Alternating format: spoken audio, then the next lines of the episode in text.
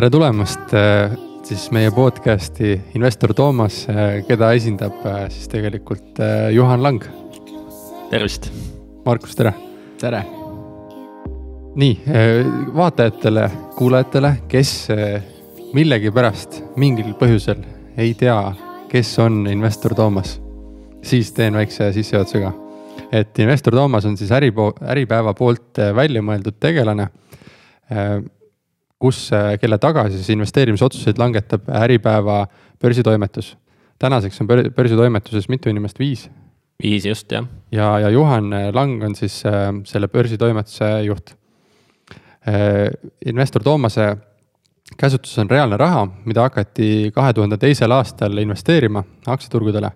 ja alustati kuuekümne nelja tuhande euroga ning tänaseks on portfelli väärtus kerkinud äh, üle kolmesaja tuhande euro ehk et äh, isegi üle kolmesaja seitsmeteistkümne tuhande euro,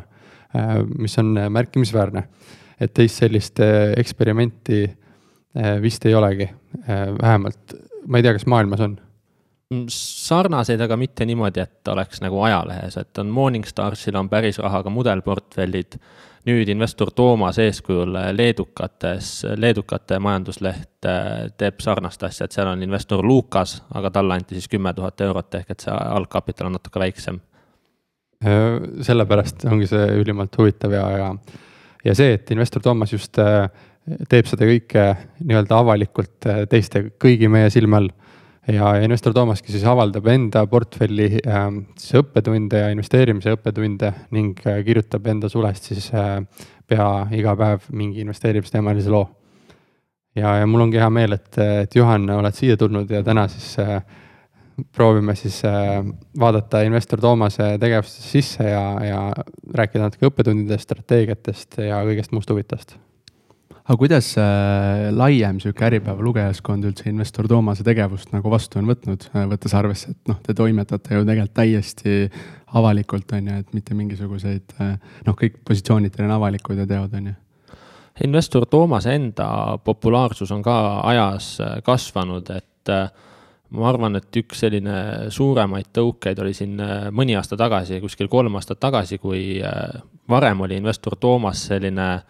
kord kuus kirjutas, äh, portfelli ülevaade oli küll Äripäeva veebist äh, leitav ja, ja paberlehest ka käis aeg-ajalt läbi, siis äh, just võib-olla laiem tuntus või sai siis pihta, kui Äripäeva tagumisel küljele siis investor Toomasele eraldati oma külg ja hakkas siin igapäevaselt oma kommentaare nagu avaldama. see oli siis kuskil kaks tuhat viisteist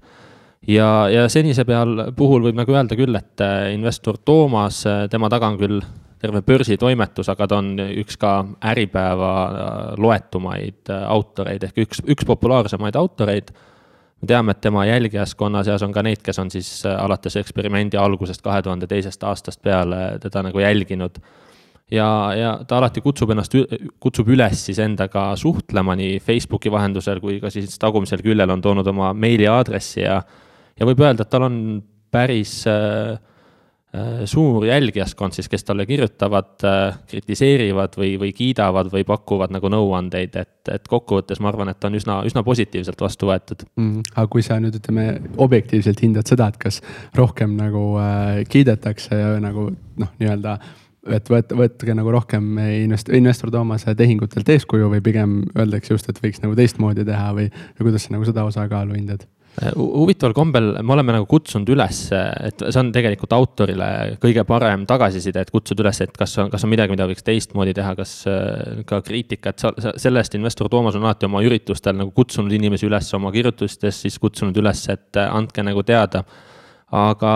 aga ei ole nagu, et täiesti objektiivselt sellist äh, Äh, negatiivset tagasisidet võib-olla ei ole, äh, aeg-ajalt on küll äh, mõned tehingud tekitavad nagu poleemikat, et kui oleme mingit aktsiat ostnud, siis vahepeal vaieldakse vastu, kirjutatakse, et miks te just selle tehingu nagu tegite. ja, ja sellist nagu tagasisidet tuleb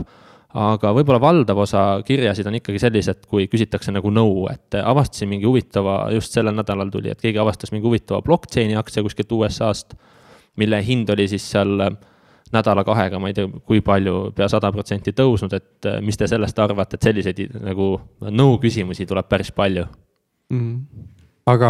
nii nagu meil tavaks on, siis meil investorid käivad külas ja nendega me räägime. nii et äh, räägiks ka investor Toomase portfellist, et äh, kas saad jagada, milline on äh, investor Toomase tänane portfelli ülesehitus äh, nii varaklasside jaotuse lõikes ja, ja põhilised investeeringud? Jah, et äh, siinsamas äh, selles Äripäeva tagumisel küljel on ta nagu välja toodud ka, et äh, kui selline linnulennult ülevaade anda, siis kuuskümmend viis protsenti on praegu aktsiates, kakskümmend üks protsenti on rahas, kaksteist protsenti korporatiivvõlakirjades ja kaks protsenti on ühisrahastuses. ja kui veel peale vaadata, siis ütleme viisteist positsiooni kokku, enamus sellised aktsiapositsioonidest on suurema, suuremad ettevõtted, pigem küpsed ettevõtted ja, ja võlakirjade puhul siis kohalikud korporatiivvõlakirjad ja, ja portfelli hajutatuselt, et äh, natukene võib-olla USA poole äh, kaldu, äh, veidi vähem on ka Baltikumi, et Baltikumi osakaal on viimastel aastatel natukene tõusnud, aga jääb sinna kuskil, kui ma nüüd peast tuletan, sinna kolmekümne protsendi kanti, umbes on Baltikum. Ja on ka osa siis äh, Norras, et Norras on üsna suur osa ka äh, siis äh, Toomase portfellist, et, et see on selline linnulennult ja kui võtta protsentuaalseid osakaale, siis on kuskile keskmine positsioon jääb sinna kuskil kolme-viie protsendi vahele, aga paar üksikut positsiooni on siis üle kümne protsendi ja mõned on ka siis seal ühe-kahe protsendi vahel aga millisest loo-, millisest loogikast äh, lähtuvalt olete seda portfelli algusest peale üles ehitanud, kas teil on mingi kindel äh, teooria, strateegia, mida te algusest peale olete jälginud? jah, et äh, investor Toomas pani kaks tuhat kaks aasta alguses siis paika oma investeerimisstrateegia, mis oli selline noh, kõigepealt ta pani eesmärgi paika, et mida ta üldse saavutada tahab, et, et võtta ette selline aktiivse investori kadalipp. ja siis sai paika pandud, et kaksteist protsenti aastas võiks see keskmine tootlus olla Äh, mõistliku riskiga, ilma siis rapsimata. ja põhimõtteliselt, äh, mis siis oli, et aktsiad on nagu fookuses, aktsiad on olnud siis äh, läbi ajaloo parima tootlusega varaklass, sealt sai tehtud selline varaklassi valik üsna algusest peale. ja siis tegelikult ongi, et eesmärk pühendab abinõu, et, et sellest kaheteistkümne protsendisest aasta tootluse eesmärgist lähtuvalt ta pidigi hakkama oma portfelli kokku komplekteerima Äh, tõsi, investor Toomas on ajalooliselt olnud nagu üsna riskikartlik, äh, ehk et siis ta äh, sellest lähtuvalt ka seda kokku pani, et ta ei tahtnud nagu minna nagu ainult sellistesse suurtesse kasvulugudesse või kasvuettevõtetesse, et ta pigem eelistas blue chip'e, juba ennast tõestanud ettevõtteid ja selle ta pani ka juba kahe tuhande teisel aastal kirja. ehk et kui see esimene investor Toomase legend mille toonane Äripäeva börsitoimetuse ajakirjanik Peeter Koppel siis kirja pani, et seal oli ka välja toodud, et investor Toomas tegelikult juba üheksakümnendatel tegi äh, algust investeerimisega, proovis kätt siis äh, turgudel, aga niimoodi süstemaatiliselt, avalikult, kõigile jälgitavalt siis äh, alustas kahe tuhande teisel aastal. ja kuidas see portfelli osakaalud on muutunud läbi viimase majandustsükli, et kas on tulnud äh, varaklassides strateegias mingeid olulisi muudatusi? Äh, mõneti küll jah, et äh, investor Toomast on alati iseloomustanud üsna suur raha osakaal, et, et see on küll, et eelmise kriisi ajal ta tõmbas siis mäletatavasti üsna suurelt rahasse, et see oli vist mõnel hetkel kuskil kaheksakümmend protsenti kogu portfellist oli lihtsalt cash'is siis kaks tuhat kaheksa ja sealt edasi enne seda ma arvan, et andis rohkem tooni investor Toomase portfellis Baltikum, ehk et siis äh, investor Toomas väga suure osaga oma algusaastate väga kiirest tõusust, et kus tal siin, äh, kui ma vaatan, et tal tootlused olid äh, kusagil siin neljakümne protsendi lähedal ja, ja ikkagi ka üle kolmekümne protsendi aastatel kaks tuhat viis, kaks tuhat kuus näiteks ja et siis seda vedas siin üsna hästi just Eesti aktsiad, et oli Hansapank näiteks, Baltika, Olympic ja, ja seda, sedasorti ettevõtted aga siis äh, pärast seda äh, ma, äh, hakkas USA osakaal ka nagu natukene suurenema. Siis ta läks USA poole kaldu, mõni aasta tagasi meil Baltikumi osakaal oli üsna nagu väike. korporatiivvõlakirjad on nüüd hakanud viimastel aastatel meil juurde tekkima. Ja kaks tuhat kaheksa, kaks tuhat üheksa oli tegelikult andis päris hea osa tootlusest ka hoiused, et toona hoiuse intressid olid seal kümne protsendi ringis, et see oli väga hea nagu alternatiiv just et niimoodi ta on muutunud, et äh, Baltikum, äh, siis natukene võib-olla USA poole ja globaalselt kaldu, nüüd ongi jäänud niimoodi, et USA ilmselt domineerib.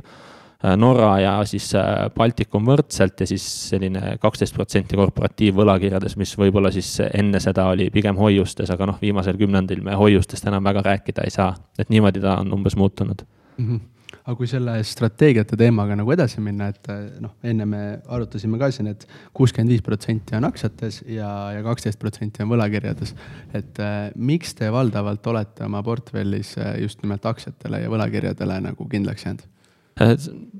Üks asi on kindlasti see, et, et me oleme jäänud nagu oma, oma liistude juurde, et me oleme algusest peale, alates investor Toomase projekti algusest saadik olnud väga aktsiate usku, me usume, et meil on siin ka selline nagu kompetents, mis on ennast siis seitsmeteistkümne tegutsemisaasta jooksul tõestanud. ehk et äh, ma olen nagu seda meelt, et, et peab vaatama et ainus nagu selline tõepeegel on tegelikult äh, sinu enda konto seis väga pika aja jooksul. Ja nüüd, kui me oleksime näinud, et investor Toomas jääb kõikidele varaklassidele alla kogu selle aja jooksul, et seitseteist aastat et näeme, et kinnisvara oleks andnud paremat tootlust, võlakirjad, hoiused, et, et kui me oleks seda nagu näinud, me oleks sellise tõestuse turult saanud või, või veel hullem, et oleks järjepidevalt jäänud alla näiteks Euroopa või USA aktsiaindeksitele,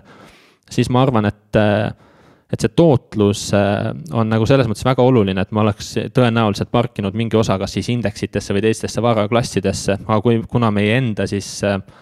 või investor Toomase elukäik andis siis pidevalt nagu tunnistust, et see, mida sa teed, et sa oled nagu õigel teel, siis ei tekkinud ka sellist motivatsiooni või sundi midagi muuta mm. -hmm. Aga ma ise olen küll seda meelt, et kui ikkagi pikki aastaid jääda turule alla, siis äh, need muutused tuleks äh, teha, et nui neljaks lihtsalt äh, sellepärast, et aktsiad on olnud ajalooliselt parimad, et sinna jääda ei ole mõtet mm. -hmm. aga mis on teil siis sellise nagu senise edu taga olnud, et noh, kui näiteks rääkida kasvõi aktsiainvesteeringute põhjal, et mis nüansid on teile ettevõtte valikul olulised või, või mis on niisuguse põhilise olulisusega teie jaoks, millest te nagu absoluutselt järeleandmisi ei tee ettevõtete puhul? Et see on, see on ka nagu erinev, et,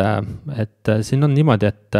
et meil on olnud investor Toomasel oma nagu analüüsimudelid, et kuskil siin kahe tuhandendate esimeses pooles ehk kõik, mis jäi enne kahte tuhandet kaheksat, investor Toomasel oli oma siis Saario analüüsimudel, et Seppo Saario, Soomes legendaarne investor, Soome siis majandusväljaandes Arvo Paperis jagas oma aktsiasoovitusi. Ja siis meie toonane börsitoimetaja võttis siis äh, kokku põhimõtteliselt äh, Seppo Saario need analüüsi kriteeriumid ja tegi sellise Exceli, kus on siin kümmekond erinevat nagu suhtarvu ja näitajat, et alates siis EPS-i ehk aktsia kohta teenitava kasumi kasvust, kasvutempost, seal olid ka tehnilised indikaatorid sees, et kuidas see aktsia siis liigub oma kahesaja päeva libiseva keskmise suhtes Äh,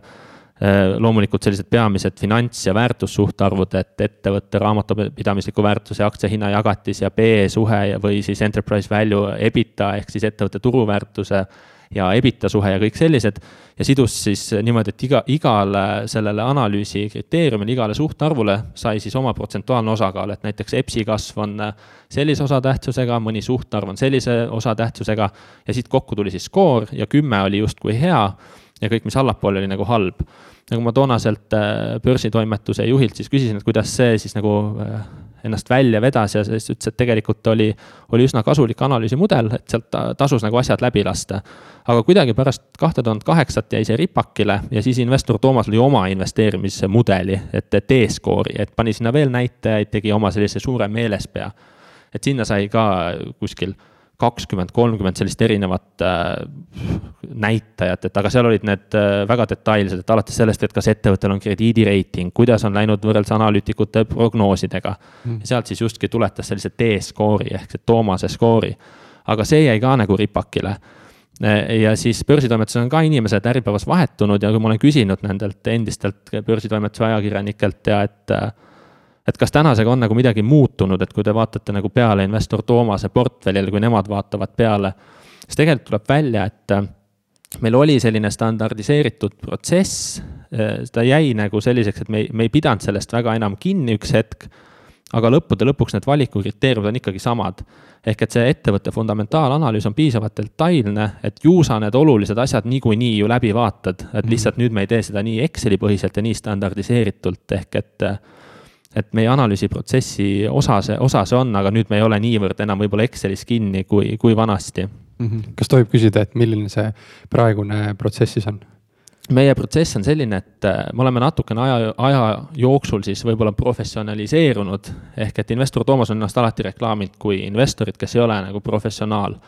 Aga ühe asja me oleme küll võib-olla fondijuhtide praktikast üle võtnud, on see, et meil on iga nädal investor Toomase ostu või müügi idee siis koosolek, mis on üsna lühikese aja jooksul. üks meist siis, kes investor Toomase tiimi taga on,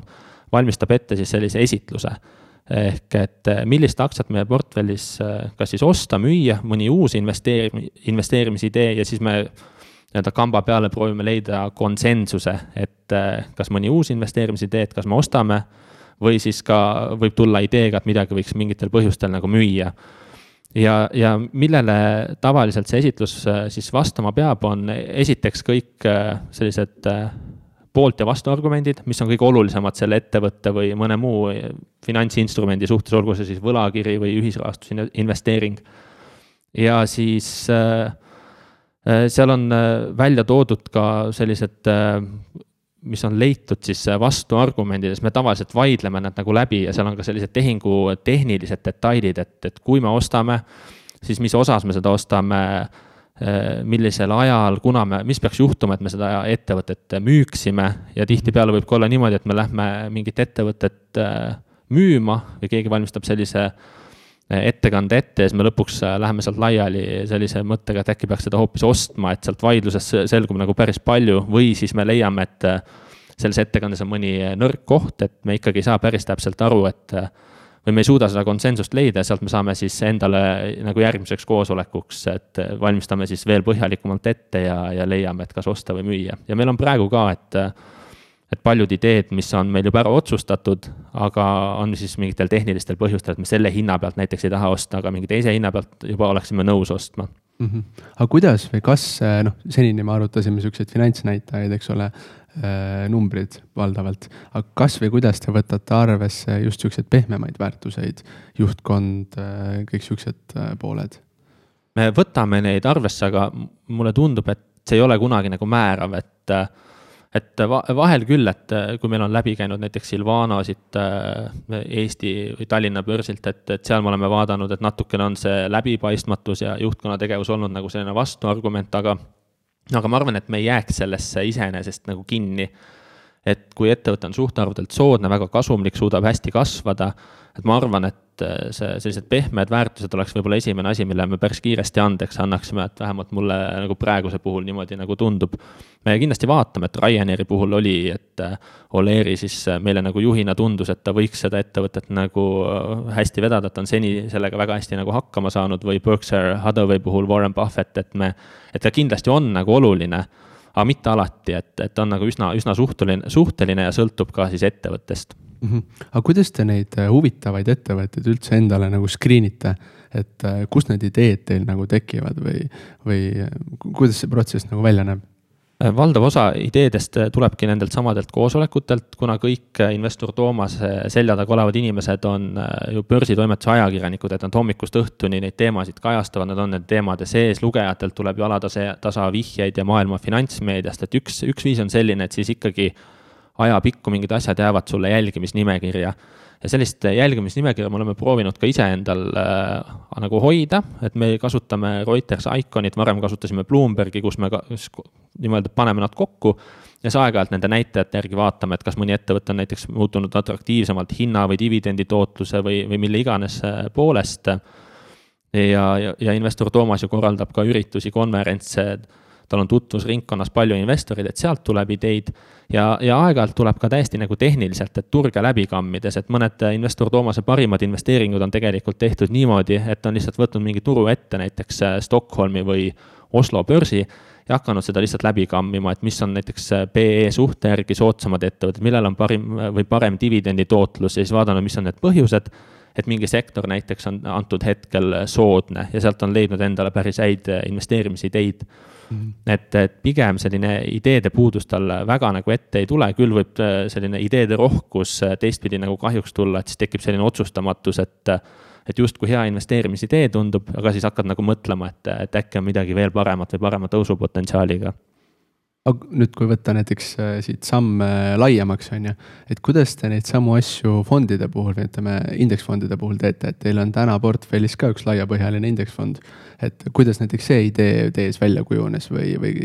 kuidas te, kuidas te fonde käsitlete nagu? jah, siin on ka, et me oleme just indeksifondidesse pannud, aktiivselt juhitud fondidesse ei ole kunagi invest-, investeerinud, aga mis puudutab indeksifondidesse, siis ma võin nagu tuua kolm viimast näidet, et kõik on viimasel kümnendil siis olnud, et üks selline, no ma ei tea, kas ta aia taha läinud näide oli, aga mitu aastat hoidmist ja kokku sealt teenistus oli umbes kolmkümmend eurot, oli Jaapanisse panustav indeksifond. see oli siis kuskil, mälu mind ei peta, kas kaks tuhat kolmteist või sealkandis sai see investeering tehtud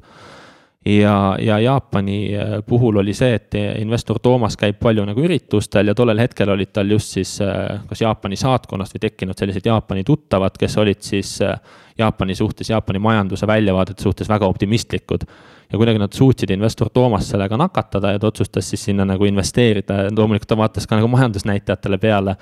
aga lugu tundus talle toona nagu veenev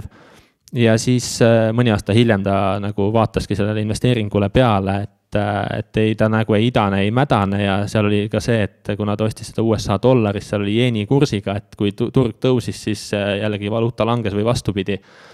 ja ta kandis selle investeeringu maha, ta nägi, et see võib-olla tema enda kodutöö ei olnud nagu pi-, piisav, et seda, et see tees ennast õigustaks ja tegelikult tänaseni, kui ta vaatab sellele instrumendile peale, mida investor Toomas aeg-ajalt nagu teeb, et ta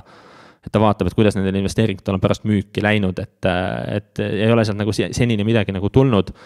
järgmine näide ETF-idest oli Exafond, mida tõenäoliselt paljudel eestlastel ka on, et see on siis äh, Euroopa su suurt, kuutsadat suurimat ettevõtet koondav siis indeks. seda ostis puhtalt äh, äh, siis Euroopa Keskpanga rahatrükile mängimiseks aga jäi selle ostu ajastamisega nagu hiljaks, et siis olid juba stiimulpaketid, tugiostud võlakirjadele välja kuulutatud ostis võib-olla siis selles nagu äh, piigi peal ja siis nägi lihtsalt külgsuunas äh, tulemist ja vaatas, et Euroopa regioonile vaatamata siis rahatrükile, et tal tees oli siis selline, et peaks juhtuma samamoodi nagu USA-s, et vallandub selline väga suur laiapõhjaline ralli keskpankade toest, keskpanga toest. Seda nagu ei juhtunud ja pigem nägi, et see tees juba noh, kannatas ja, ja sellega tegi ka kiire otsus, et müüs selle ka nagu maha et, äh, et selliste, need on kaks näidet, kus indeksisse investeerimine ei ole väga hästi nagu äh, läinud, aga viimane näide on Brasiilia, et, äh, et siin olid nagu põhjused võib-olla fundamentaalsemad kui, kui eel, eelnevate puhul. Et seal oli täpselt see, et, et Brasiilia oli juba seitse kvartalit järjest olnud languses, näha oli, et majandus hakkas taastuma, et esimesed sellised kasv, kasvukvartalid näha oli, et populistlik riigipea võib tulla Äh, siis äh, riigitüüri juurde, et äh, mängida siis samale asjale nagu USA puhul oli Trumpi ralli või Indias siis samuti nagu pigem karmi käega poliitiku siis võimule tulek. ja seal oli põhjuseid oli veel, et intressimäärad olid ajaloo nagu madalamal tasemel ja näha oli, et fundamentaalselt oli majandusel päris head sellist nagu äh, ülespoole potentsiaali, et see oli nagu selline fundamentaalselt võib-olla läbimõelduv ja ka üks edukamaid invest-, selliseid indeksi investeeringuid, et äh, üsna kiire ajaga investor Toomase tootlus siis nii-öelda paberil oli pärast investeeringu tegemist äh, nelikümmend protsenti, et et oli väga volatiilne regioon, üsna raske nagu seda ka analüüsida aga ta näitas seda, et ikkagi selline makroanalüüs, et kui niimoodi mängida, et siis pigem otsida selliseid soodsaid soodusmüüke, et sealt selle õppetunni endale nagu sai, et et mitte minna võib-olla selle karjaga kaasa, vaid otsida just selliseid soodsaid regioone, kus üks oluline kriteerium, et investor Toomas on ka Venemaad kogu aeg jälginud ja siis vaataski Brasiilia Venemaa vahel, et Brasiilias on nagu see demokraatiaga nõksa parem seis, et ka see oli nagu oluline kriteerium. Aga miks äh, ei ole peatuma jäänud äh, väga populaarsetel nagu SB viissada ja, ja võib-olla veel laiapõhjalised ülemaailma fondid? Äh, üks põhjus on jälle seesama investor Toomas enda track record, et kui me vaatame senist ajalugu, investor Toomas on seitseteist aastat siis tegutsenud, ta on suutnud siis SB viiesaja indeksit üsna oluliselt edestada kogu selle perioodi jooksul ja seda siis väiksema volatiilsuse, oluliselt väiksema, isegi kohati kordades väiksema riski juures. aga investor Toomas äh, indeksi investeerimise tegelikult usub ja seda me oleme lahendanud mõneti sellega, et me oleme näiteks investeerinud Berkshire Hathaway'sse, mis on sisuliselt nagu samuti võimendusega panus USA majandusele, et ja, ja ka me vaatame suuri indekseid, kus domineerivad eesotsas näiteks Facebook, Apple, Microsoft, mis, mis tegelikult ka indekseid ju veavad väga, väga oluliselt, et, et need on tal endal nagu portfellis olemas et, et pigem mängida siis juba nendele veduritele, millel on suurem kasvupotentsiaal. aga, aga tõsi on see, et see raha osakaal, et tänase seisuga investor Toomase portfellis kuuskümmend viis tuhat eurot, et oleneb siis turufaasist, et, et ei ole, ei pruugi olla üldse halb mõte. aga kui nüüd vaadata järgmisse varaklassi, mis portfellis on, on äh, erinevad fikseeritud tulumääraga instrumendid nagu näiteks võlakirjad. Ähm, kuidas äh, see siis analüüsiprotsess eristub võlakirjade puhul võrreldes aktsiate analüüsiprotsessist? võlakirjade puhul me oleme natukene oma, oma mugavustsoonis, ehk et nad on siin Balti turul nüüd või Eesti turul siis äh, viimastel aastatel lihtsalt hästi nagu kätte mängitud, et on tulnud LHV, Inbank, äh, Admiral Markets. me oleme siin lähtunud pigem, pigem ettevõtte enda siis analüüsist, et me oleme püüdnud nagu hinnata et, et kui suur on see risk, et, et võlakirja mak-, noh, et ettevõte muutub nagu maksevõimetuks või et neid võlakir-, võlakirjadelt enam intressi me ei teeniks ja, ja siin on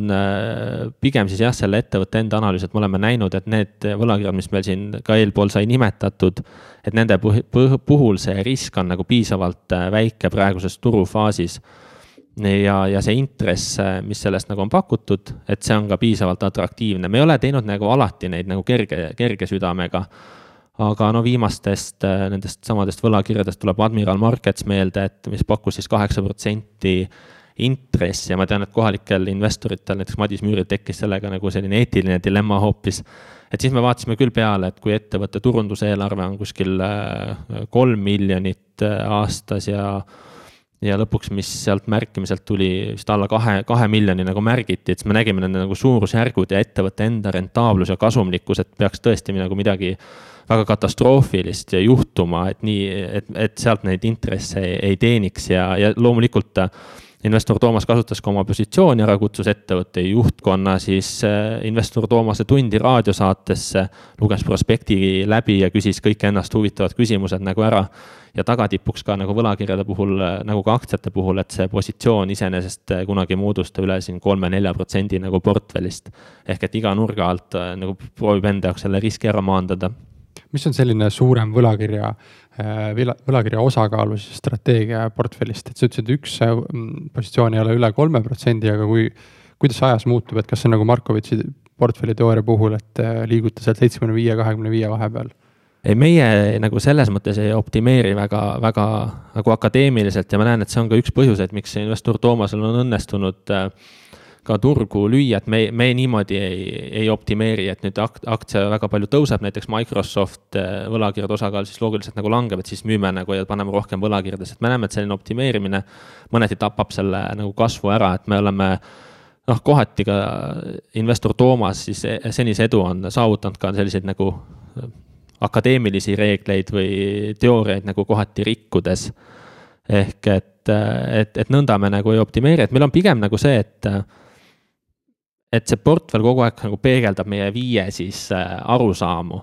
ehk et me alati ei leia ju seda konsensust ka, et meil on praegu üsna suur nagu selline küsimus olnud juba siin paar viimast aastat, et tegelikult meie portfell, kui te sellele peale vaatate et siis äh, meie eesmärk on kaksteist protsenti aastas kasvada ja sellise portfelliga seda saavutada tegelikult äh, on üsna keeruline. ehk et tegelikult sellise portfelliga sellist kahteteist protsenti püüda on natukene nagu optimistlik. ja selles mõttes me küll nagu vaatame, et järgmine võlakirja emissioon tuleb. iseenesest meil nagu vaba raha seisab. ja siis me nagu selle peale mõtleme, et äh, et, et miks me neid võlakirju märgime, et me tegelikult sellega mitte kunagi oma kaheteist protsendi aastatootluse eesmärki ei saavuta. ja siis meie nagu tees on olnud, aga et ütleme, turu tipp, me püüame seda turgu nagu ajastada. ja siin noh, me oleme olnud nagu e vähem ja rohkem nagu edukad, aga see on nagu meie enda jaoks ka selline pidev sisekonflikt. et on osa meist ja osa investor Toomasest kes siis äh, pigem äh, tõmbuks veel rohkem rahasse ja siis on osa meist, kes siis panustaks veel rohkem tõusule. ja lõpuks me jõuamegi siis sellise portfelli juurde, mis siin nagu praegu on, aga see ei sünni nagu ka äh, väga nagu harmooniliselt või väga lihtsalt, et ikkagi nagu tuliste vaidlustega. aga siinkohal, mis sa arvad, mis peaks siis üks nii-öelda üksikinvestor või üks jaeinvestor, kuidas tema peaks need otsused vastu võtma? et lihtsalt arutelu koht kõigile, Markus, sina ka et, et kui, kui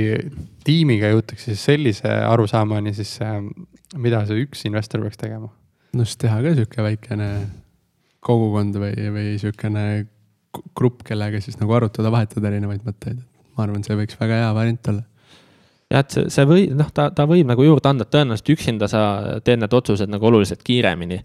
et tõenäoliselt üksinda niimoodi ei ole, et sa hakkad nagu äh,, kukud siis mingitesse siseheitlustesse, et hakkad täna Microsofti ostma ja siis mõtled, ei, ma nädala, ma nädal aega nüüd analüüsin. ja siis tulen nädala, nädala pärast nagu iseenda juurde tagasi nende samade argumentidega, et see äh, grupp nagu, kui see on nagu õigesti tööle pandud, siis ta tõenäoliselt aitab sul seda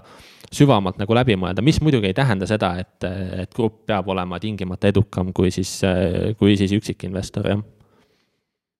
ja, ja, ja võtta siit äh, fikseeritud tulumääraga instrumentidest järgmine, äh, millesse investor Toomas alustas sisenemist äh, hiljuti, mis on siis ühisrahastus. et kas saad natuke tagamaad rääkida, kuidas te jõudsite lõpuks selleni, et võiks siis ühisrahastuses kätt proovida? Ja et äh, investor Toomas aastaid on ju siis sellist investorite kogukonnalt kriitikat saanud, et, äh, et, et miks mitte ja investor Toomas on alati nagu ringiga sealt mööda käinud sellel samal põhjusel, et, et ta on nagu aktsiatega su suutnud oma tootluse nagu kätte saada ja seda rahuldava riski juures, et ta ei näinud seal nagu niivõrd nagu põhjust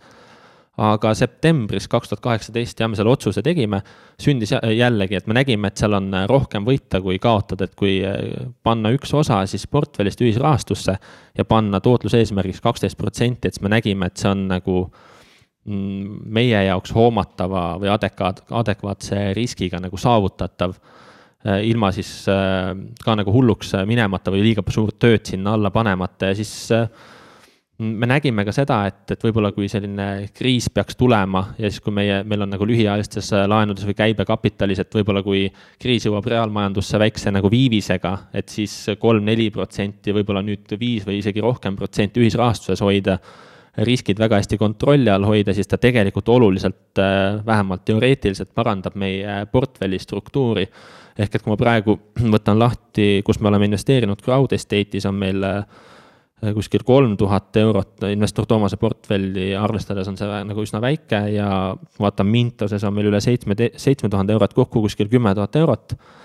ja no Mintoses meil on ant-, noh praegusel hetkel kolmsada kaheksakümmend kaks investeeringut, et nende vahel on see ära hajutatud ja, ja crowd estate'is need mõni tuhat on ka väga erinevate projektide vahel. ehk et lõppkokkuvõttes me näeme, et see on nagu me just hiljuti vaatasime oma tootlust, et see on olnud selle aja jooksul kuskil üheksa protsenti. aga just seda riski arvesse võttes, et, et kui killustunud ja kui paljude erinevate selliste laenude vahel või, või käibekapitali pakkumiste vahel see on ära nagu hajutatud. et me pigem näeme, et me võib-olla isegi suurendame siis äh, oma osakaalu, aga tõsi on see, et me ka siin oleme üsna nagu konservatiivsed olnud, et me ei ole läinud nagu pigem tootlust nagu jahtima aga samas me ei taha ka nagu järeleandmisi teha, et minna siit, et võtaks alla kümne protsendi, et siis tekib juba see, et pane see raha siis juba kas mingisse kinnisvara börsil kaubeldavasse fondi või mõnda võlakirja. jah, et see küsimus ongi, et, et kas see ähm, ühisrahastuse investeeringud täidavad natuke sama äh, siis eesmärki nagu need võlakirjad, et, et kui me näeme, et need et, et kaksteist protsenti siis saavutada on aina raskem, sest et äh, ühisrahastuse marginaalid on ka alla tulnud et kas äh, sa näed, et need on nagu sama positsiooni peal või hetkel on mingi eelis veel ühisrahastusel? Äh, natuke nagu just, justkui on, aga, aga investor Toomasel ka see, ka ühisrahastusse raha ärapaigutamine tegelikult võttis rohkem aega kui, kui plaanitud. esiteks loomulikult ka see, et selline uue, uue siis, seda ei saa nagu varaklassiks nimetada, aga, aga noh, uue siis instrumendi tundma õppimine ja kõik, kõik see muu ka et noh, lihtne oleks ju ükskõik mis summa seal ära paigutada, aga, aga Toomas andis endale aru, et tal on ka moraalne vastutus iseenda ees nagu eelkõige ja siis sellest lähtuvalt ka nagu lugejate ees, et, et päris nagu siuh-sauh paigutama ka ei läinud. et ma, ma arvan, et võib-olla see, see töömaht, et on, oleks ju see kümme tuhat, pane see sinnasamma LHV allutatud võlakirja, noh, tootlus on nagu väiksem, et ma arvan, et praegu ta on nagu ära tasunud, et ta on natukene nagu ühisrahastuse poole nagu kaldu. aga võib-olla see töömaht, noh, nõksa võib-olla suurem et võlakirjaga teed selle töö ükskord ära, võib-olla paned natuke suurema summa, et äh, ühisrahastus, eriti kui on äh, pigem äh, ka lühiajalised laenud nagu investor Toomasel, ta eeldab ikkagi sellist nagu tegelemist võib-olla natukene rohkem. ja kuidas te jõudsite siis kahe portaalini, Mintos ja Crowd Estate, et kuidas see valik sündis? sündis siis samamoodi, et kui meil muidu on sellised aktsiakoosolekud, siis ühisrahastuse puhul meil, meil ei ole ju niimoodi, et anname nüüd kuskile Gruusiasse kakskümmend viis eurot laenu ja siis kutsume suure koosoleku kokku, et hakkame siis analüüsima, et ma ei tea, mida, et, et niimoodi ei ole, et meil oli pigem siis üks koosolek, kus me kutsusime ka endast targemad äh, inimesed laua taha ühisrahastusest ja mõtlesime, et milline see investor Toomase mõistlik äh, strateegia võiks äh, ühisrahastuses olla. jõudsime seal konsensuseni siis ka koos endast targemate inimestega, kes on siis juba pikki aastaid tegelikult ühisrahastuses tegutsenud ja, ja nemad siis võtsid nagu investor Toomasega nagu käe kõrval, aitasid need esimesed sammud võib-olla sealt nagu aru saada nagu kiiremini. Ja, ja sealt äh, Mintos ja Crowd Estate praegu just riske arvesse võetes lihtsalt olid nagu selgelt kõige atraktiivsemad, et me oleme vaadanud ka ka siis sellist äh, nagu Funderbeami näiteks oleme vaadanud projekte sealt ja vaadanud ka teisi, teist laadi nagu ühisrahastust, aga seal me lihtsalt ei ole suutnud ühtegi ideed endale veel nagu maha müüa, nii et me kõik sellesse nagu piisavalt usuksime. et pigem need olid nagu meie jaoks või investor Toomase profiilile kõige lihtsamad aga kas nendest strateegiatest saame siin rääkida ka, et, et kuidas siis või mis strateegiaga siis näiteks Mintosesse äh, sisse läksite mm? -hmm. Mintose puhul on meil, äh, kui ma võtan praegu siitsamast siis meie investeeringud ette, et võtan investor Toomase siis nagu konto. et kuidas, kuidas siin praegu on, et, et me näeme seda et, et viiskümmend viis protsenti on siis Mogos või autolaenudes ja siis kuskil kaks tuhat seitsesada eurot, kolmkümmend kaheksa protsenti on siis äh, eralaenudes ja siis äh, ülejäänud siis, siis lühiajalistes laenudes. et ka siin selline nagu haju, hajutatus. et, äh, et pigem on, ma arvan, siin see, see märksõna on olnud pigem nagu lühiajalisus ja pigem selline nagu hoomatav risk aga seda, et me selle seitsme tuhande või kümne tuhande euro puhul oleks nüüd hakanud mingit suurt strateegiat nagu eraldi paika panema, et vot teeme niimoodi ja naamoodi et, et seda me nagu niimoodi isegi ei teinud, et me pigem vaatasime, et, et, et leida võimalikult atraktiivseid äh, nagu pakkumisi võimalikult äh, väikse riskiga, et samas kahteteist protsenti ära unustamata. Kas äh, mingid olulised tegurid on see tagasiostugarantii, mida laenukontor ise pakub, on laenukontori valik kas mõned need äh, nüansid on, on arvesse võetud? jah, et äh, investor Toomas just kirjutas ka, et see ongi tema jaoks äh, olnud võib-olla ühisrahastuses kõige raskem pähkel, et, et lõpuks sa jõuadki nende laenukontorite enda analüüsimise juurde. ja kui vaadata praegu ka neid lepinguid, mis investor Toomasel sees on, siis on ka nagu autoga tagatud, nagu Mogost oli nagu juttu ehk et siin loomulikult laenukontorite analüüs on, on nagu selles mõttes väga, väga oluline, et ehk, ehk nagu olulisimgi kui eriti kui arvestada siis Mintost. aga no Crowd Estate'i puhul täiesti teine nagu story, et kui sa annad mingile Pärnu saekaatrile käibekapitaliks selle sada, kakssada eurot, et seal tulevad jällegi teised asjad või siis are-, arenduseks, et et kuna need summad on nagu piisavalt väiksed, siis vaatame ka iga, iga projekti pigem nagu eraldi, et kui kui tuleb kellelgi selline idee, et meil on ka läbi käinud näiteks, kui siin autolevi kaasas et hoopis teisest valdkonnast, et me nagu ühisrahastust, hästi raske on teda nagu patta panna, et neid valdkondi on nagu nii palju. no seal me jõudsime, Toomas jällegi oma vana sellise equity või aktsiainvestori mõtteviisiga nagu kuidagi ei suutnud nagu suhestuda jällegi sellistesse ka kiiresti kasvavatesse noortesse, kuid kahjumlikesse ettevõtetesse investeerimisega. et see nagu kuidagi ei haakunud. ja ka ühisrahastust investor Toomas vaatab pigem kui, kui, kui just võtame siis laenuinstrumendid et, et seda ta vaatab pigem nagu intressitoodet, et see on talle nagu hingelähedasem jah, ei muidugi äh, väga suur, kuigi mõlemad on ühisrahastatavad, siis väga suur äh, tootluse ja, ja dünaamika vahe, et kuidas see tulu tekib. Mm aga no, aga valdkonnana küll, et, et kogu see ühisrahastuse valdkond, et on selgelt investor Toomase jaoks muutunud tervikuna nagu atraktiivsemaks, et, et see kümnend, kui ühisrahastus Eestis nagu pead ka tõstnud äh, maailmas ka, et on, on selgelt investor Toomase huvi orbiidis nagu üha, üha enam, et. et see, see, mis puudutab siis ühisrahastust ja kogu Toomase enda nagu portfelli ka, siis äh, Nassim Taleb, keda investor Toomas on ka tsiteerinud ja kes tuleb nüüd äh, sel nädalal ka, ka Eestisse, et tema on alati öelnud, et et ära ütle mulle, mida sa arvad, vaid ütle, mis on sinu nagu portfellis, et investor Toomase puhul on see, on see nagu täpselt samamoodi, et see, see ongi nagu see tõe kriteerium, et. et kui küsida strateegiat ja kõige selle kohta, siis peabki nagu sellesse portfelli vaatama, et sealt saab päris täpselt selle Toomase mõtte, mõtte nagu peegelduse kätte aga küsides väikselt või vaikselt niimoodi selle kohta ka, et väärismetallid, üürikorterid on käinud siin äh, mõtetest läbi äh,. Aga kas need ka kunagi siis portfelli jõuavad? Need on, on käinud läbi jah, et äh, aga noh, investor Toomas on äh, mõnes mõttes nagu ikkagi, ta tahab olla nagu passiiv, passiivne investor. ja siis tal ongi, et kui ta kui ta näeb, et ta on suutnud leida üles aktsiad, äh, mis on andnud talle nagu paremat tootlust, kui oleks üürikorteriga mässamine, siis ta näeb, et see väärtus, mis ta sealt nagu kätte saaks see töömaht, et see ei ole tema jaoks lihtsalt atraktiivne. et, äh, et ja väärismetallide puhul ka, et äh, noh, on nagu pikalt nagu kaalunud, aga siis me jõuamegi jällegi sinna, et sa võid neid ju osta ja sa võid teha endale sellise väga peene Äh, Markovitšlikku nagu portfelli, aga siis sa pead ka selle kaksteist protsenti mõnes mõttes nagu ära unustama, et me ei tahaks ka muutuda selliseks väga nagu halvas mõttes nagu pensionifondiks, et me oleme noh, oma konservatiivsusega juba vitsad tegelikult kätte ka saanud, et me viimasel kümnendil oleme näiteks turule üsna arvestatavalt alla jäänud, et kogu perioodiga me oleme oleme küll turgu edestanud, aga viimane kümnend juba nagu paneb meid äh, üsna tõsiselt nagu mõtlema, et kas me selline konservatiivsus või usk sellesse, et me suudame seda turgu täpselt nagu ajastada, et kas see nagu tasut-, tasutud nagu saab lõpuks, et, et, et siin on meil endal selline pidev nagu mõttekoht, et investor Toomas ka, et kui ennem oli küsimus, et et kui, kas kui mingit kriitikat tuleb, siis ma arvan, et investor Toomas ise oma kommentaarides on iseenda kõige nagu suurem kriitik, et me väga ausalt küsime endalt ka neid samu küsimusi ja ärgitame ka lugejaid äh, seda endalt küsima mm. -hmm räägime võib-olla Toomase sihukestest suurimatest võitudest või ka olulisematest õppetundidest, et enam kui sihukese kuueteist, seitsmeteist aasta eh, staaži järel on teil kindlasti väga palju noh, väärikaid õppetunde on ju kogunenud ja ka sealhulgas siis eh, sihukeseid ehm, võidutegureid või edutegureid et äh, saad sa äkki välja tuua mõned siuksed läbi aegade nagu parimad, parimad investeeringud ja võib-olla rääkida natuke, et mis oli see taust tol hetkel ja mis oli see tees ja miks te üldse sinna nagu investeeringusse niimoodi läksite? Jah, et äh, investor Toomase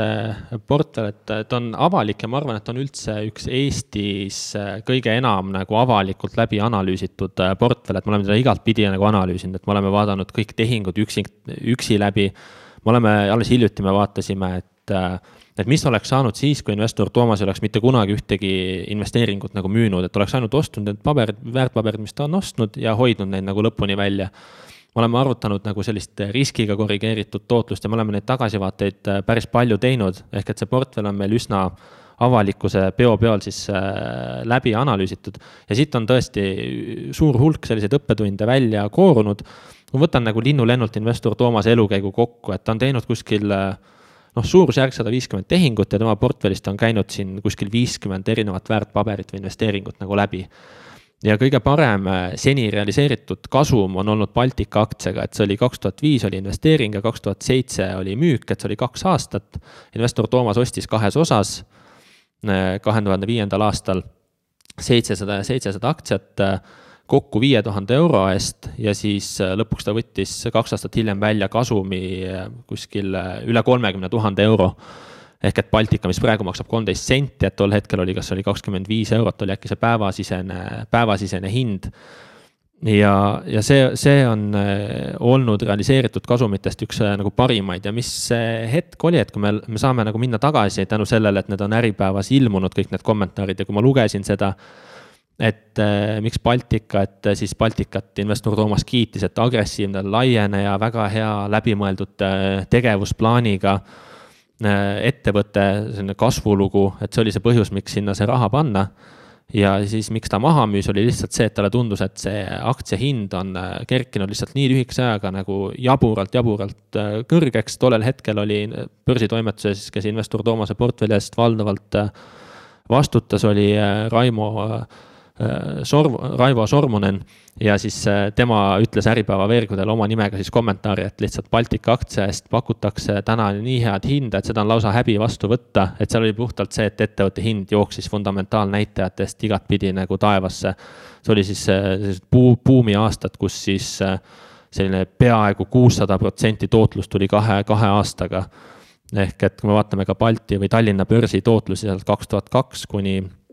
kuni siis kriisini välja. see on üsna huvitav vaadata, et kui ma võtsin, vaatasin investor Toomas aastatootluseid, siis siin algusaastatel, nagu ennem juttu oli, et olid ka siin kolmkümmend pluss protsenti olid aastatootlused tegelikult, et see oli see dotcom'ist mulli taastumine oli USA-s. E-, Eestis oli börsil suur hoog sees ja vähe, vaatamata sellele, et investor Toomas mõne esimese aastaga juba oma portfelli kahekordistas, siis me loeme neid tolleaegseid kommentaare, võiks mõelda, et investor Toomas oli hästi õnnelik selle üle, et näed, et hakkasin tegema ja kohe tuli nii hästi välja, tegelikult ei olnud, et investor Toomas oli just kriitiline, et okei okay,, et aasta kasv oli kolmkümmend protsenti, aga Tallinna börs tõusis kõrval viiskümmend protsenti, ehk et siis mõõdeti nagu asju, asju nagu teistpidi. ehk et, et see, selliseid kõik, kõiksugu aegu on olnud, et, et mõnel halval aastal mõni protsent valmistab võib-olla rohkem rõõmu kui heal aastal, ma ei tea, kolmkümmend või nelikümmend protsenti. aga praegu avatud olevatest tehingutest on Microsoft Äh, kuhu investor Toomas alustas investeerimist siis täiesti finantskriisi põhjas kaks tuhat üheksa, puhtalt nagu fundamentaalsete näitajate järgi, et ettevõttel oli palju vaba, vaba raha. Ta oli suhtarvude järgi äh, sama soodne kui kaheksakümnendatel, ta oli äh, nagu väga investor Toomase meeles siis alahinnatud. ja tänaseks on investor Toomas Microsofti osakaalu järjepidevalt siis suurendanud. Ja see tootlus on tal üle neljasaja protsendi, et äkki kuskil nelisada nelikümmend protsenti. Ta on saanud sellest nagu pulliturust täismahus osa, on vahepeal ka kasumit võtnud ebaõnnestunult, et praegu oleks see paberil kasum siis suurem, aga aga see suurusjärk, mis seal kasumit ja realiseeritud kasumit ja dividende kokku, et see, ma arvan, et jääb sinna kuskil viiekümne tuhande euro kanti nagu ühe investeeringuga. ja teine selline edulugu on ka meil veel portfellis olemas, on, mida me oleme maha müünud, on Norra lõhekasvataja Leroy Seafood ja lõhe eksportija et äh, selle, selle kasvu saab ka mõõta siin kuskil kolmkümmend, nelikümmend äh, tuhat eurot äh, on siis selline realiseerimata, realiseerimata kasum, pluss siis ka veel nagu dividendid. ja noh, siin peab seda nagu siis silmas pidama, et need investeeringud, mis investor, investor Toomas sinna nagu tegi, et need ei olnud väga suured, et need on lihtsalt ajas kasvanud. ja nüüd need protsentuaalselt on ka üle kümne protsendi. aga jällegi, et Markovitsilikult võib-olla noh, võtaks kasumit ja pargiks seda raha ümber, et seda me ei ole teinud ja me oleme iseendale tagantjärgi nagu tänulikud, et me ei ole neid võitjaid või suurimaid võitjaid vähemalt äh, nagu müüma läinud mm. -hmm. Kas nüüd äh, pöörates selle sõiduki täitsa teistpidi, et millised on siuksed investor Zooma, investor Toomase siuksed suurimad õppetunnid nagu olnud, et kas äh, siin on just seesama äh, Euroopa ja Jaapani näide, mis sa rääkisid äh, saate alguses või on siin hoopis mingi muu kolmas põnev lugu taga? Äh, need on pigem sellised väiksed nagu äh, lihtsalt möödapanekud või selline aja, aja raiskamine, et võib-olla halvasti nagu tagantjärgi tarkuses halvasti läbimõeldud äh, idee, võib-olla ma arvan, et võtmesõna on ikkagi see, et kui me võtame nagu kõik õnnestumised, ebaõnnestumised kokku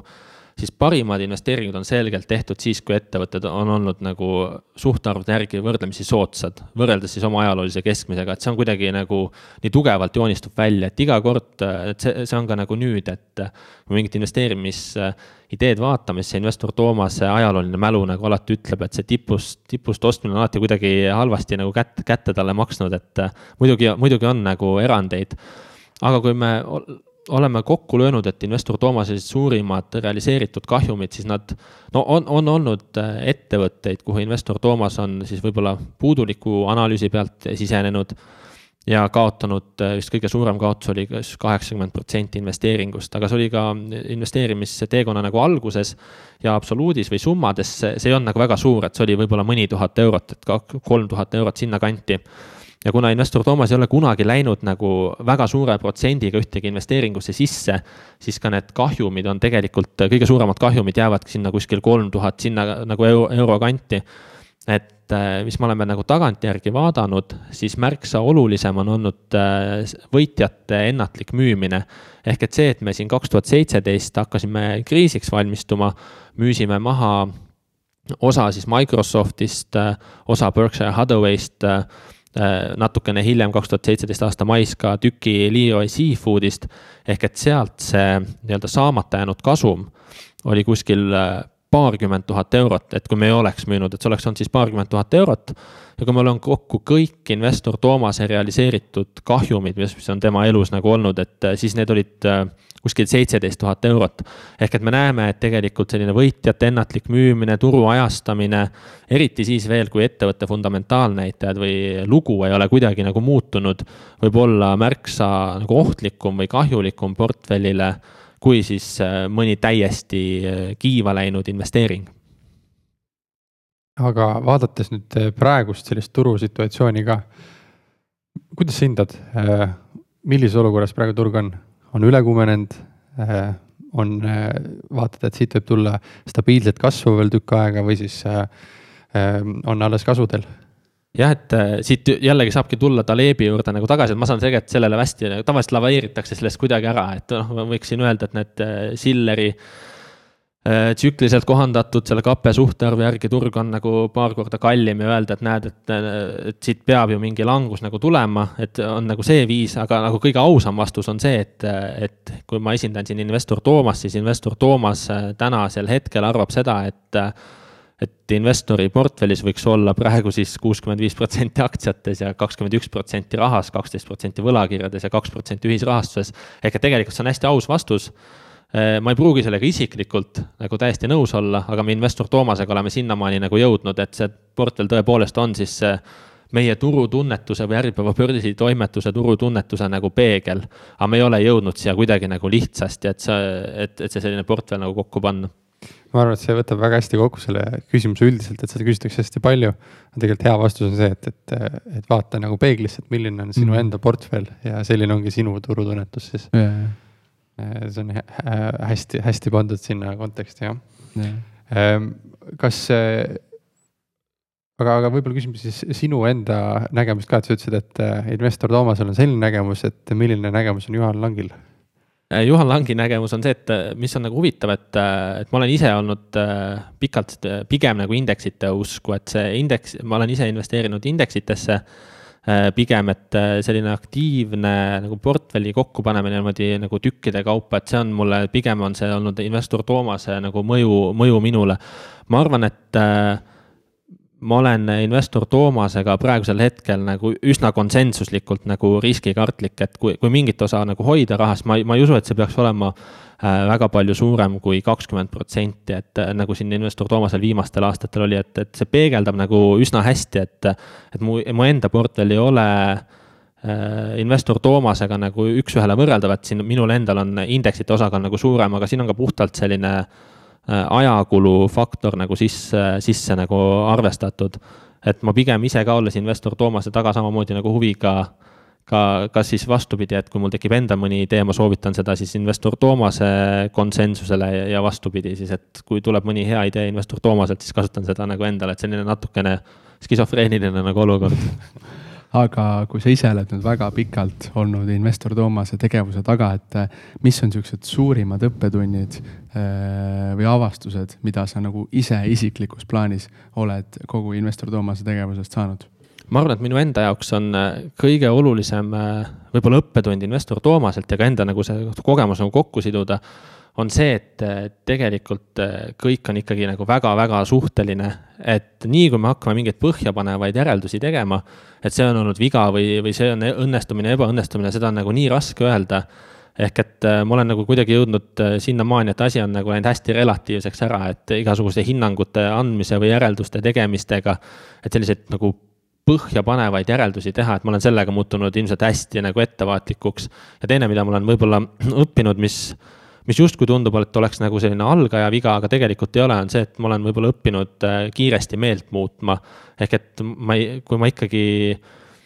ma ei jää nagu väga enam nagu kinni mingitesse nagu otsustesse ja noh, investor Toomase pealt vaadates, et noh, kuidagi seda nagu piltlikustada, et mida ma nagu mõtlen, on, et äh, investor Toomase läbi aegade siis kõige edukam aktsiainvesteering on Microsoft, et äh, kui me puhtalt mõtleme absoluutsummasid. ja see on täpselt selline, et kui investor Toomas, ma tõin ka seda investor Toomase konverentsil nagu näiteks äh, sel aastal, et investor Toomas investeeris sinna finantskriisi põhjas. tundub nagu viimase kolmekümne aasta jooksul, kahekümne aasta jooksul nagu selline täiesti ideaalne ajastamise punkt ja nüüd, kui me vaatame nagu detailselt sinna sisse, siis tegelikult investor Toomas kohe kahe kuuga kaotas veerandi kogu oma investeeringust, et see kukkus edasi. ja siis järgnes seal mingi kaks-kolm aastat täiesti külgsuunas liikumist ja kokku vist neli aastat nagu täielikku sellist tiksumist ja, ja Microsofti eelmist siis tegevjuhti toodi pigem ärikonverentsidel nagu noh, nagu halva, halva näitena, et ütles, et iPhone idele annab ta paar kuud eluiga ja seal oli igasuguseid nagu noh, mida pandi siis nagu konteksti. ja siis sa hoiad seda aktsiat, mis sul nagu vindub siin mingi neli aastat ja sa vaatad tagasi, et ta dotcomi äh, eelse taseme saavutas kuskil viieteist pluss aastaga tegelikult, et oli nagu pool oma börsiloleku ajast oli nagu väga nagu kohutav investeering. siis hakkad sealt nagu järeldusi tegema ja kui me vaatame, et Toomas on seda ühe kümnendi nüüd hoidnud, siis talle vaatab äh, vastu sealt äh, nelisada nelikümmend midagi protsenti tootlust pluss veel sealt nagu dividendid ka ehk et pool ajast oli järeldus selline, et mis sa hoiad nagu sellist kiduvat aktsiat, millega sa tegelikult alguses kohe kaotasid nagu raha selgelt ei ole väga hästi ka nagu juhitud ja siis vaatad neid fundamentaale ka, et on nagu nii ja naa ja turgude hinnatase on kogu aeg nagu kuidagi selline viimasel kümnendil see buumijutt ka. ja siis mõtledki, et, et mis järeldusi sa teed, et, et mis sul siis aitab seda aktsiat nagu hoida, et, et jällegi siit oleks, ta oleks võinud olla mõne investori jaoks nende elu halvim investeering, investor Toomase jaoks on ta tema elu nagu parim investeering. ja ma näen seda, et kuidas sa selle hoidmise otsuseni jõuad, et see võib olla nagu väga, väga suhteline mm. -hmm siitkohalt äh, investor Toomasega nüüd portfellist ja investeerimisest äh, rääkides tõmbamegi otsa kokku, aga Juhan, äh, sa oled siis investor Toomase Äripäeva raamatuklubi Äripäeva poolt võtnud ka kaasa kaks raamatut. üks on Intelligentne investor ja teine raamat on, Markus ütleb enam nime. aktsiad, aktsiad pikaajalise investeeringuna. et ähm, kaks raamatut siis äh, täiesti tuntud raamatut investeerimise teemal tahaksime siis kuulajatele ära anda. ma teen ettepaneku, et annaks need raamatud äh, ära inimestele, kes küsivad esiteks küsimuse siis äh, investor Toomasele. Ühe, ühe küsimuse, kes küsib investor Toomasele ja siis Juhan äkki saab need küsimused üle vaadata, oma vastused anda ka, kui kellelgi on selliseid küsimusi. ja, ja teise raamatu anname inimesele, kes siis Ehm, soovitab meile, et keda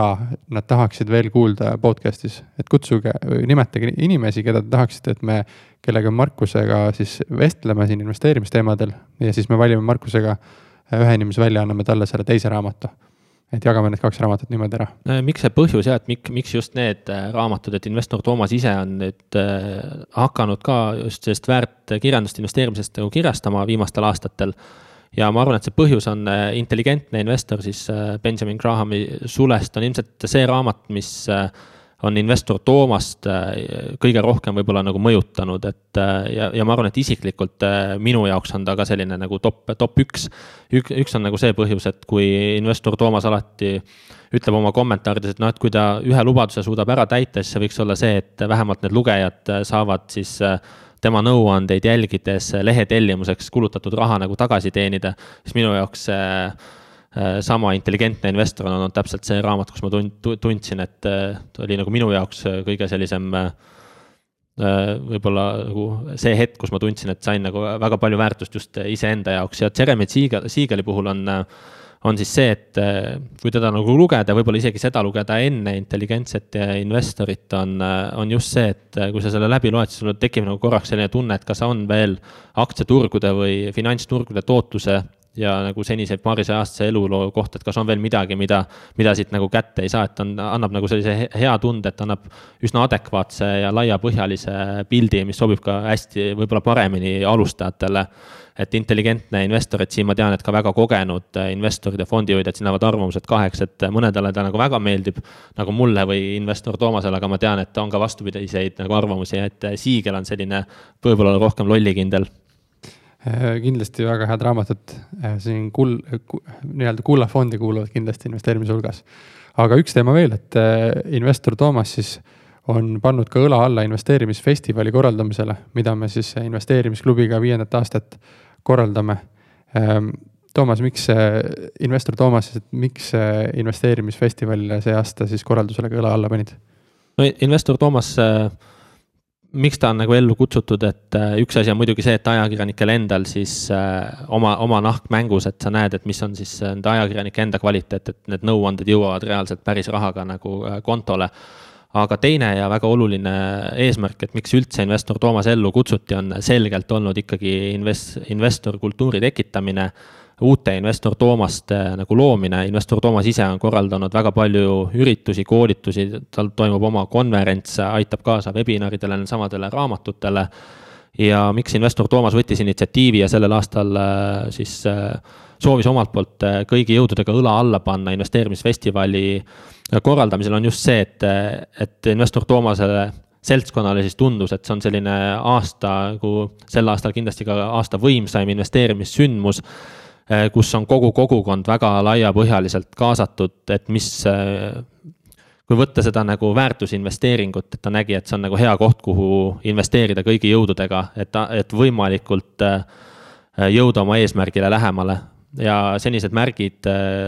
investor Toomase poolt, nii palju kui ta teab, siis näitavad ka, et, et see festival tõepoolest praeguse seisuga vist juba vaata et pooled, pooled kohad on nagu läinud, et, et see investeering läks õigesse kohta jah, et äh, meie investeerimisklubiga ei ole ka nii võimast üritust äh, veel korraldanud, ma arvan, et see on kõige võimsam, mis me korraldame, et esinejatest siis Markus Villig, Bolti